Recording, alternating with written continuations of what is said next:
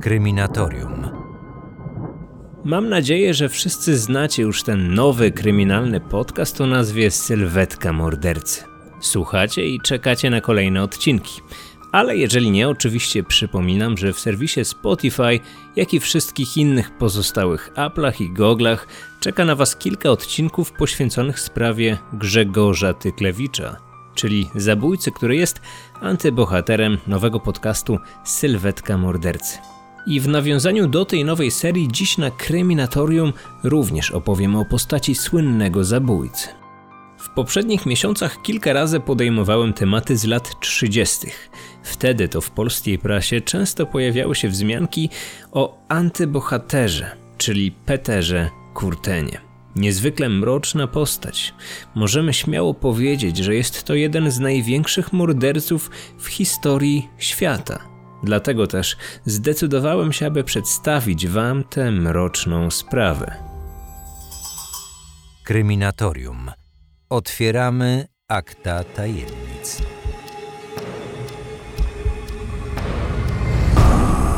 Imię i nazwisko.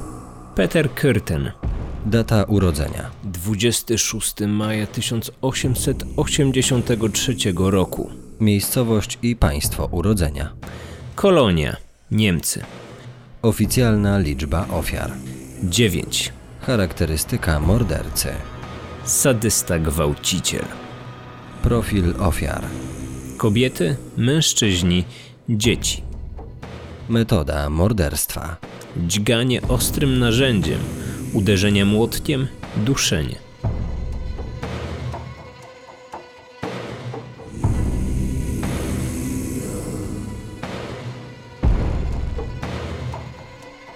Peter Kürten urodził się w rzemieślniczej rodzinie 26 maja 1883 roku w Kolonii w Niemczech Zachodnich.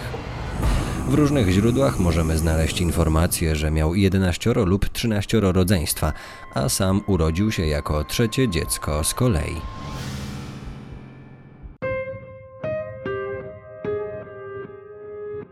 Rozbieżności dotyczące liczby potomków w tej rodzinie wynikają zapewne z tego, że dwójka z rodzeństwa Petera zmarło jeszcze przed swoimi drugimi urodzinami. Jako chłopiec, no nie miał szczęśliwego i beztroskiego dzieciństwa. Z dzisiejszej perspektywy możemy stwierdzić, że pochodził z patologicznej rodziny. Jego ojciec był alkoholikiem, który często znęcał się nad swoją żoną i dziećmi. Matka oraz siostry były regularnie gwałcone przez ojca, a cała liczna rodzina musiała pomieścić się w jednopokojowym mieszkaniu. Nie mieli łatwego życia. Wszystkie dzieci z przerażeniem patrzyły na te powtarzające się akty przemocy. W jego domu pracował tylko ojciec, który większość z zarobionych pieniędzy, oczywiście jak to alkoholik, przeznaczał na wysokoprocentowe trunki. Między innymi właśnie z tego powodu Peter zamiast cieszyć się dzieciństwem, to już od samego początku, bardzo wcześnie, musiał stawić czoła poważnym problemom. Każdy dzień był dla niego walką o przetrwanie. Musiał załatwić pieniądze, jedzenie, a do tego unikać agresywnego ojca. Jednak nie zawsze mu się to udawało i jako ten najstarszy z synów sam stawał się celem seksualnych ataków pijanego rodzica. Ojciec pochodził zresztą z rodziny, w której częste były historie chorób psychicznych i panującej przemocy. W ten sam nauczony sposób traktował swoich bliskich. Peter w związku z tym również wyrastał w podobnych warunkach, które prawdopodobnie zaważyły na jego dalszym życiu. Najbardziej upiorny okres dzieciństwa skończył się w momencie, gdy ojciec w 1897 roku został skazany na karę więzienia za gwałt na swojej 13-letniej córce. Matka wówczas postarała się o rozwód i wyszła za mąż za innego mężczyznę. Razem z dziećmi przeprowadziła się do Düsseldorfu. Ale te mroczne okoliczności, w jakich wychował się młody Peter, zdążyły już odcisnąć na nim piętno. Znęcanie się nad zwierzętami sprawiało mu przyjemność. Szczególnie lubił psy. Upodobania te zawdzięcza swojej przyjaźni z Hyclem, który mieszkał w tym samym budynku. Kiedyś pokazał mu, jak torturować i zabijać zwierzęta. Peterowi taki widok zaczął sprawiać niezwykłą satysfakcję. Jego demoralizacja wciąż się pogłębiała. Jako trzynastolatek poznał dziewczynę, która pozwalała mu na pieszczoty, jednak nie zgadzała się na pełny stosunek. Chłopak w celu zaspokojenia swojego popędu zaczął zabijać więcej zwierząt. Owce, gęsi, to z nich tryskała krew, a to bardzo podniecało Petera. Wtedy też rozpoczął zabawy z ogniem.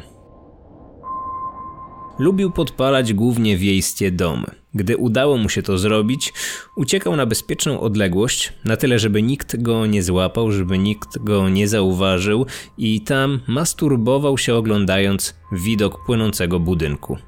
W końcu zaczął uciekać z domu. Kradł i napadał na kobiety. Jako piętnastolatek związał się ze starszą od siebie prostytutką, która spełniała jego sadomasochistyczne fantazje. Interesował go brutalny i krwawy seks.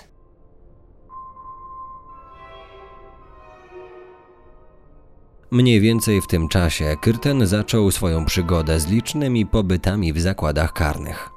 Do 47 roku życia łącznie za kratami spędził aż 20 lat. Cenił sobie przebywanie w celi z kryminalistami, których wygląd i zachowanie wzbudzały jego podziw. Od czasu do czasu lubił także łamać zasady panujące w więzieniu. Był wówczas zamykany w izolatce, gdzie mógł w spokoju z lubością oddawać się swoim seksualnym i chorym fantazjom. W tym miejscu chciałbym przejść do omówienia zbrodni, których dopuścił się już dorosły Peter. Zaznaczę, że na razie skupię się na udowodnionych mu morderstwach, za które został ostatecznie skazany.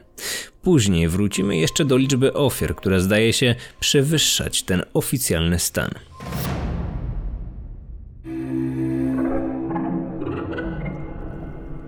Ofiara numer jeden. Christine Klein. Wiek 13 lat. 30-letni mężczyzna w 1913 roku skończył odsiadywać jeden ze swoich wyroków. Zaraz potem, po opuszczeniu więzienia, nie zamierzał jednak zerwać z przestępczym życiem. Dalej kradł, najczęściej wieczorami nieopodal na zamknięte już gospody, w których mieszkali także właściciele. Taki sam plan miał 25 maja pod osłoną nocy postanowił zakraść się do karczmy w kolonii i wynieść stamtąd cenne przedmioty. Wiedział, że na pierwszym piętrze śpią właściciele tego lokalu. Gdy wtargnął do środka, nie znalazł jednak dla siebie nic ciekawego. Za to zauważył śpiącą w łóżku dziewczynkę. Chyba tylko z sobie znanych powodów postanowił ją udusić. Zacisnął ręce na jej szyi. Wtedy zaczął czuć narastającą w nim rozkosz. Dziewczynka oczywiście próbowała się wyrwać z tego morderczego uścisku, ale nie miała szansy z tym silnym mężczyzną. Ten postanowił jeszcze pójść o krok dalej i wyjął z kieszeni scyzoryk. Poderżnął nim Christinie gardło. Widok ściekającej krwi wywołał jeszcze większe emocje i to doprowadziło go do orgazmu.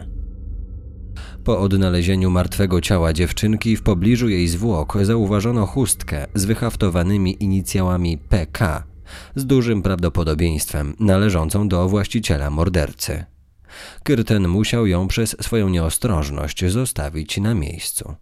Z tymi inicjałami ma związek bardzo ciekawa sytuacja. Tak się niefortunnie złożyło, że inicjały PK należały także do wujka dziewczynki. Był bratem jej ojca i w związku z tym został oskarżony o tę bestialską napaść. Motyw również się znalazł. Miały być to pieniądze, o które kłócił się wcześniej ze swoim bratem, czyli ojcem dziewczynki. Za to przestępstwo, za przestępstwo, którego nie popełnił, wkrótce trafił do więzienia. Co prawda później został oczyszczony, uniewinniony, ale i tak stracił wiele lat życia za kratkami jako niewinny człowiek. Swoją drogą to już kolejna historia, w której spotykam się z wątkiem, w którym to mężczyźni zostali skazani, osądzeni i przebywali w więzieniu za sprawą zbrodni popełnionych przez seryjnych morderców. Wcześniej czytałem o przypadkach z naszego polskiego krajowego podwórka, a tutaj również jest przykład z Niemiec. Wydaje mi się, że fajnie byłoby to wszystko wziąć w całość i na ten temat tylko opublikować odcinek. No, plan taki jest, pewnie coś takiego za kilka tygodni na kryminatorium się również pojawi. Ale wracamy do Petera. Ofiara numer dwa. Rosa Oliger. Wiek 8 lat. Między pierwszym a drugim morderstwem minęło blisko 16 lat. Przynajmniej tak wynika z tych oficjalnych danych. Lwią część tego czasu Peter przesiedział w więzieniu za dezercję z wojska podczas I wojny światowej, siedział również za kradzieże. Wyszedł z więzienia w 21 roku. Wtedy postanowił się ożenić i w końcu znalazł tę jedyną. Z nią wziął ślub. To była mało urodziwa kobieta, która wcześniej była więźniarką. Siedziała za zabójstwo, zabiła swojego kochanka. W książce Anny Popek pod tytułem Seryjni mordercy możemy przeczytać, że Peter bardzo ją kochał i ta kobieta, ta jego żona była jedyną osobą na świecie, której tak naprawdę się bał. Kolejnej śmiertelnej zbrodni dokonał w 1929 roku, a do tego czasu dokonał kilkunastu podniecających go podpaleń. W tym czasie napadał również na kobiety, ale na szczęście jakimś cudem udawało im się uciec z rąk oprawcy. Zwłoki dziecka zostały odnalezione na pewnej budowli. Śledczy odnotowali na ciele 13 ran po ciosach zadanych ostrym narzędziem, w tym 5 ran w okolicach serca. Przed zadźganiem ofiary morderca ją dusił. Oprócz tego na zwłokach widoczne były ślady nadpaleń. Roza tego dnia zasiedziała się u koleżanki. Gdy wracała do domu, nie przypuszczała, że czyha na nią jakieś niebezpieczeństwo.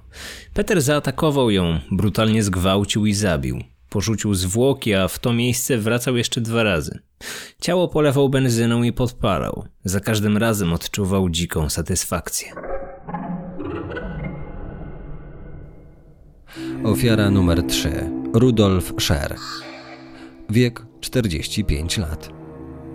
Przerwy między kolejnymi morderstwami Petera były już o wiele krótsze. Pewnie zaczął czuć się coraz pewniej. Jednocześnie wiedział już, jak wielką satysfakcję sprawiają mu zbrodnie i nie mógł dłużej czekać na spełnienie swoich fantazji. Od tej pory regularnie zaczął atakować swoje ofiary. Kolejne zbrodnie rozegrały się na przestrzeni zaledwie jednego roku. Cztery dni po zamordowaniu Rozy upatrzył sobie nową ofiarę. Nietypowo dla niego, bo był to mechanik w średnim wieku. 13 lutego Peter aż 20 razy ugodził go nożem. Mężczyzna miał 45 lat.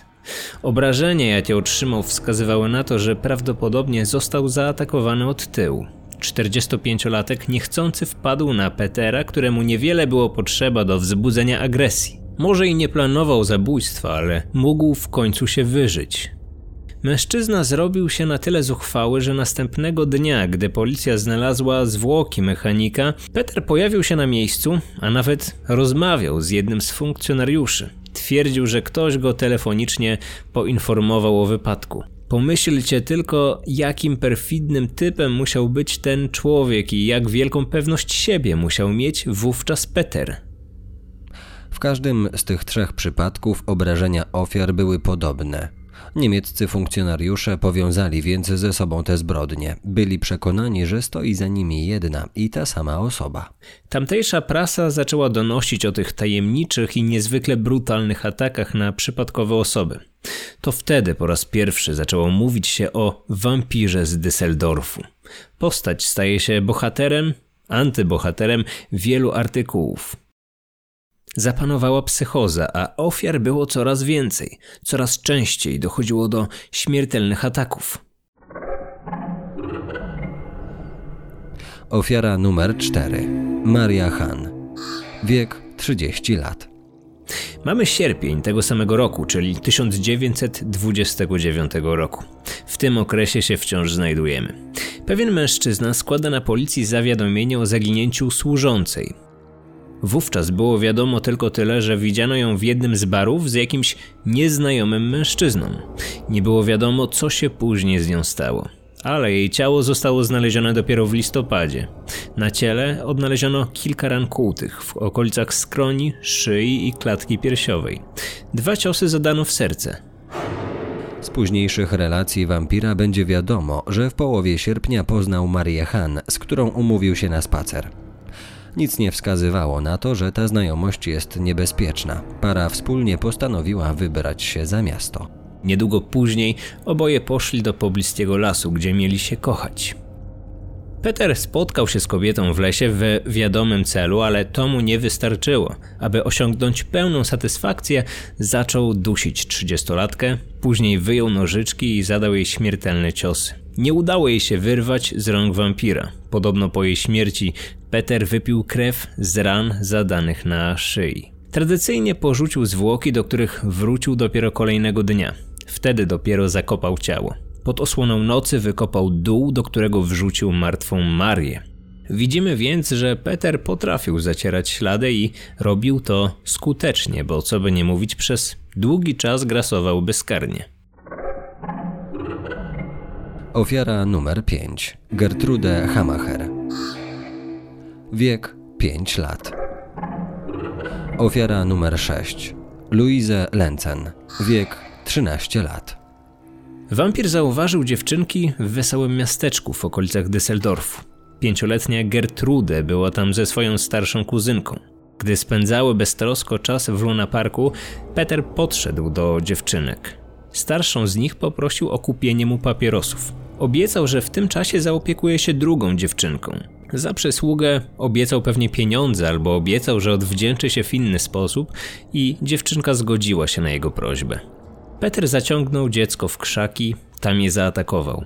Ciało odnaleziono dopiero następnego dnia. Podejrzewano pewnie, że mogło dojść do jakiegoś nieszczęśliwego wypadku, ale takiego makabrycznego widoku raczej nikt się nie spodziewał.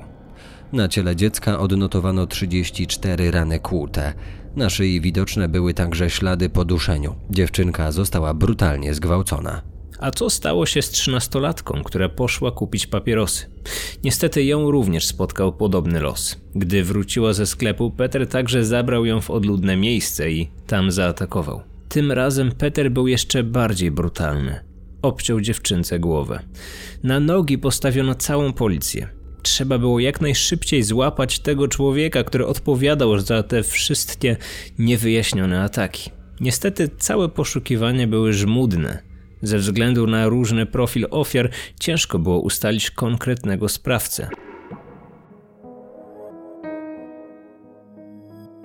Pozdrowienia od wampira. I mamy kolejny wręcz niewiarygodny akt pogardy dla społeczeństwa ze strony wampira. Peter bardzo interesował się tym, co na temat jego morderstw piszą dziennikarze. Można powiedzieć, że bawił się tym, że miasto opanowała panika, że wszędzie panowała psychoza strachu. Cieszył się, że nikt nie jest w stanie go powstrzymać.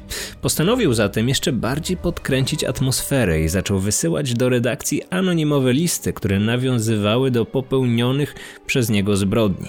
Wszyscy słyszeliśmy pewnie o Zodiaku, wszyscy słyszeliśmy o BTK, ale okazuje się, że zabójca z Niemiec również kontaktował się z lokalną prasą.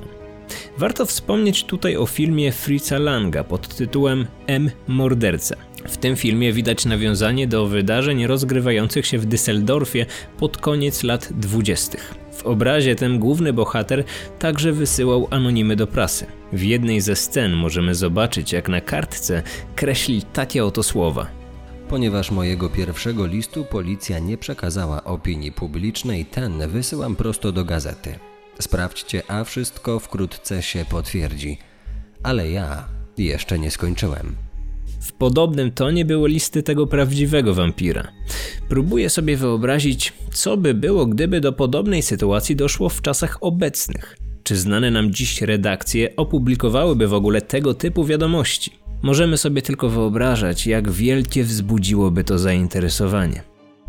Do wspomnianego filmu Morderca M odnosi się także Przemysław Semczuk w jednej ze swoich ostatnich książek. Według zdobytych przez reportera informacji, ten film oglądał Karol Kot i niewykluczone, że była to dla niego jakaś forma inspiracji. Wampir z Düsseldorfu mógł mieć więc jakiś pośredni wpływ na wampira z Krakowa. Ofiara numer 7. Ida Reuter. Wiek 31 lat. Kolejna tragedia rozgrywa się 30 września. Wtedy właśnie znaleziono zwłoki kobiety, którą początkowo wzięto za osobę bezdomną. Wyglądało na to, jakby zasnęła na zawsze. Makabrycznego odkrycia dokonali robotnicy. Po bliższym przyjrzeniu się stwierdzili, że Nie ma wątpliwości, ta kobieta musiała zostać zamordowana. Na jej głowie było wiele obrażeń. Zawiadomiono policję. Z przeprowadzonego śledztwa wynikało, że 31-latka została zaatakowana na pewnym wzniesieniu, a jej ciało wleczono przez ponad 100 metrów do pobliskiej łąki. Morderstwa dokonano na tle seksualnym. Ciosy w okolicach głowy zadano prawdopodobnie młotkiem. Śledczy mieli początkowo problemy z ustaleniem jej tożsamości, ale udało się ustalić jej dane dzięki jej butom. Obuwie nosiło nazwę pewnej rodzinnej firmy, a także stempel tego przedsiębiorstwa. Ustalono, kto kupił te buty, i w ten sposób trafiono na ślad Idy, bo tak miała na imię ta ofiara wampira, która była po trzydziestce i od pewnego czasu próbowała znaleźć męża. W tym celu korzystała z anonsów matrymonialnych, które ukazywały się w prasie. Niestety, tak jak wcześniej, mimo szeroko zakrojonej akcji policji, wciąż nie udawało się ustalić, kim był ten jeden mężczyzna, który ją zabił. Ofiara numer 8. Elizabeth Dorier. Wiek 22 lata. Dwa tygodnie później doszło do analogicznej tragedii. Ponownie ciało zabitej dziewczyny odnaleźli robotnicy przez zupełny przypadek. Tym razem zadano ofierze 8 ciosów w okolice głowy. Zabita kobieta miała zaledwie 22 lata.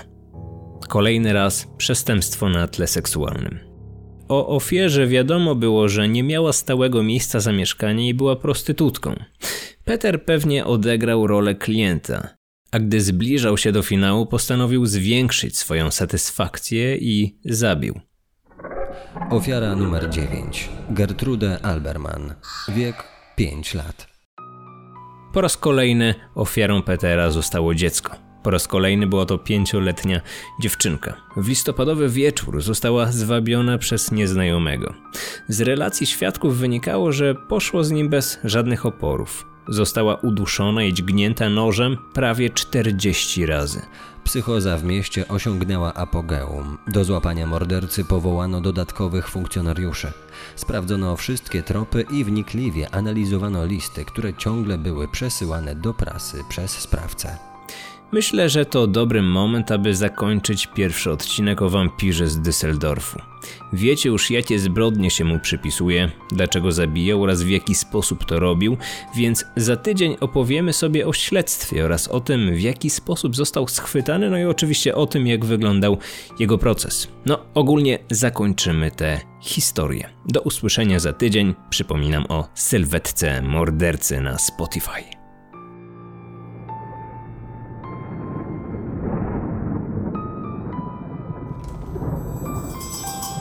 Kryminatorium. Otwieramy akta tajemnic.